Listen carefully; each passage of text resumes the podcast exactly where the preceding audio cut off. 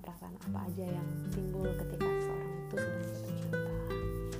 Oke, kalau yang sekarang mungkin lebih ke gimana sih hubungan yang sehat dan hubungan yang tidak sehat itu kayak gimana. Nah di sini uh, bahasa kerennya itu toxic relationship. Jadi di sini tidak hanya uh, relationship atau hubungan antara seorang pria dengan wanita saja atau uh, tidak hanya tentang pacaran saja, tetapi di sini juga tentang hubungan pertemanan, kemudian bagaimana toksik di sekolah, bagaimana juga toksik di perkantoran. Jadi toksik yang secara umum. Jadi toxic relationship secara umum.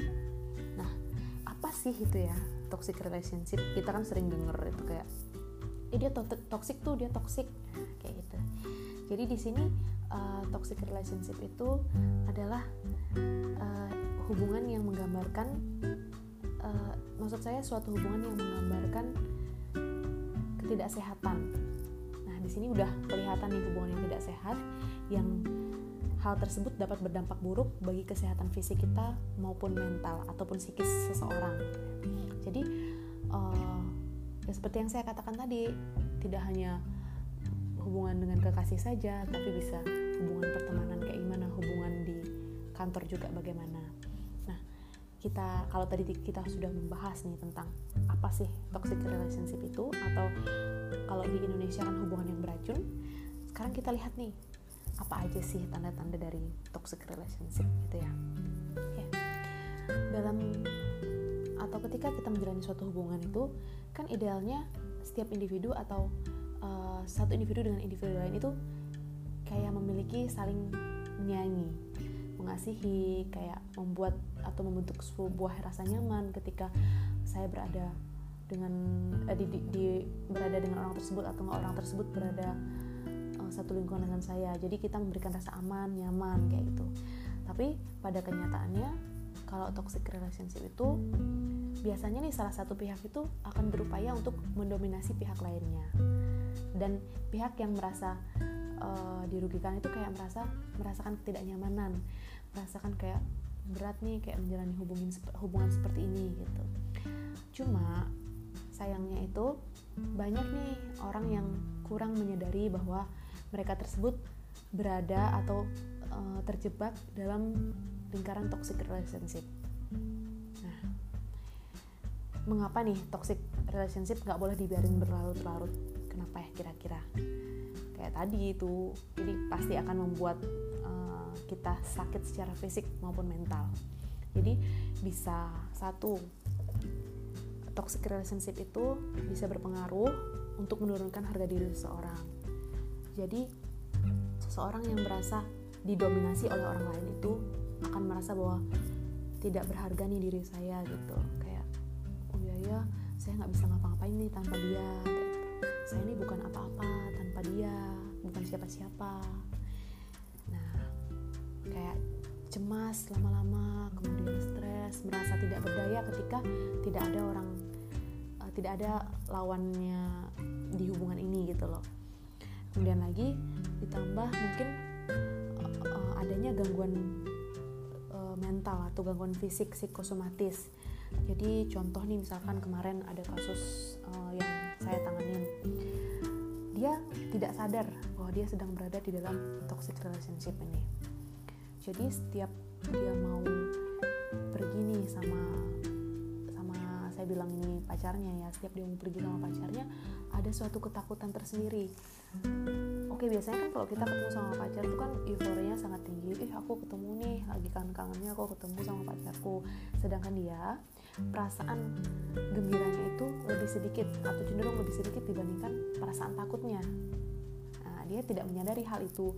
Dia pikir oh mungkin aku takut kehilangan ya dia bilang kayak gitu. Ya mbak saya takut kehilangan mungkin kehilangan pacar saya kalau saya nggak ketemu. Nah kemudian selama hampir tiga bulan baru si klien saya ini sadar bahwa ini udah nggak sehat nih baru dia menyadari bahwa hubungannya ini atau si pacarnya ini membawa dampak yang kurang baik bagi sisi psikologisnya atau nggak sisi psikisnya dia sendiri. Nah tanda-tanda itu yang pertama uh, orang yang merasakan toxic relationship ini biasanya selalu dikontrol oleh pasangan. Ini ini tanda yang paling jelas paling jelas banget ya. Jadi salah satu pihak itu mengontrol bagaimana uh, orang uh, pasangan tuh harus berperilaku. Kamu nggak boleh pakai baju ini lah, jelek kelihatannya kalau pakai baju ini. Kamu nggak boleh makan ini nanti gendut. Jadi tidak dibiarkan pasangan ini menjadi diri sendiri kayak gitu. Mungkin uh, ini kata um, kata ampuhnya adalah aku bersikap seperti ini karena aku sayang sama kamu loh gitu. Jadi secara tidak secara tidak uh, disadari bahwa si pasangan itu menekan dengan kalimat seperti itu aku kayak gini karena kamu loh kayak gitu. Kemudian dua yang seperti saya katakan tadi pasangan yang merasa didominasi itu oleh pasangan lainnya itu akan sulit untuk menjadi diri sendiri awalnya nih dia seneng uh, makanan-makanan manis. Dia seneng uh, nyoba-nyobain cake gitu misalkan. Tapi pasangannya bilang kamu nggak boleh makan manis kamu nggak boleh makan ini nanti kamu gendut nanti kamu gini aku nggak suka lihat kamu gendut. Kayak itu jadi dia tidak bisa menjadi diri dia sendiri. Kemudian tidak mendapat dukungan. Segala sesuatu hal yang dikerjakan oleh yang bersangkutan ini pasti dikomentarin sama pasangannya kayak tidak mendapatkan dukungan kayak gitu. Jadi selalu aja salah di mata pasangannya. Itu kan jadi kayak menurunkan citra diri dan menurunkan harga dirinya sendiri. Kemudian selalu dicurigai dan dikekang. Pokoknya 24 jam nih harus ngelapor gitu sama dia. Pergi ke mana? Um, dengan siapa? Sama siapa? Pulang jam berapa? Jadi uh, kurang ada waktu untuk me time dengan diri sendiri. Semuanya harus dikontrol oleh pasangan nah itu um, menandakan adanya cemburuan kecemburuan yang berlebihan dan ada rasa ketidakpercayaan diri pada pasangannya. Takut kalau nanti si pasangan ini selingkuh lah atau apa padahal kan tidak gitu loh kenyataan tidak. Nah kalau yang paling keras itu adalah sampai menerima kekerasan fisik. Jadi selain kekerasan verbal toxic relationship itu bisa terjadi suatu hubungan dikatakan toxic yang udah parah banget itu kalau ada kekerasan fisik di dalamnya jadi udah tidak sehat secara emosional. Terus yang sering kita dengar itu sering kali main tangan.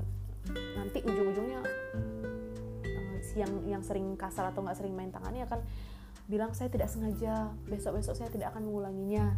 Nah seperti itu. Jadi uh, orang yang terjebak dalam toxic relationship ini dia memiliki potensi akan kehilangan kepercayaan dirinya yang dulunya mungkin ceria, periang, banyak ide, sekarang tuh jadi terhambat gitu loh. Jadi uh, tidak mendapatkan dukungan, rasa percaya dirinya kurang, kebahagiaannya itu kayak tersedot habis gitu. Nah, saya saya me memahami bahwa keluar dari toxic relationship itu memang gak mudah. Tapi teman-teman harus ingat teman-teman harus mencintai diri teman-teman sendiri. Teman-teman juga harus memikirkan bagaimana ke depannya diri teman-teman bagaimana kehidupannya teman-teman kayak gitu. Jadi seberapa besar pun sayangnya teman-teman dengan pasangan atau teman-teman dengan uh, lingkungan tersebut ketika lingkungan tersebut dirasa sudah menjadi toksik atau sudah merusak kita mau nggak mau harus lepas dari tersebut dari hubungan tersebut gitu loh. Dan percaya deh teman-teman itu pantas untuk bersama dengan orang bisa menghargai teman-teman secara utuh yang tulus ikhlas yang tulus menerima teman-teman apa adanya. Dan kalau mau berubah ya berubah bersama-sama ke arah yang lebih baik. Seperti itu.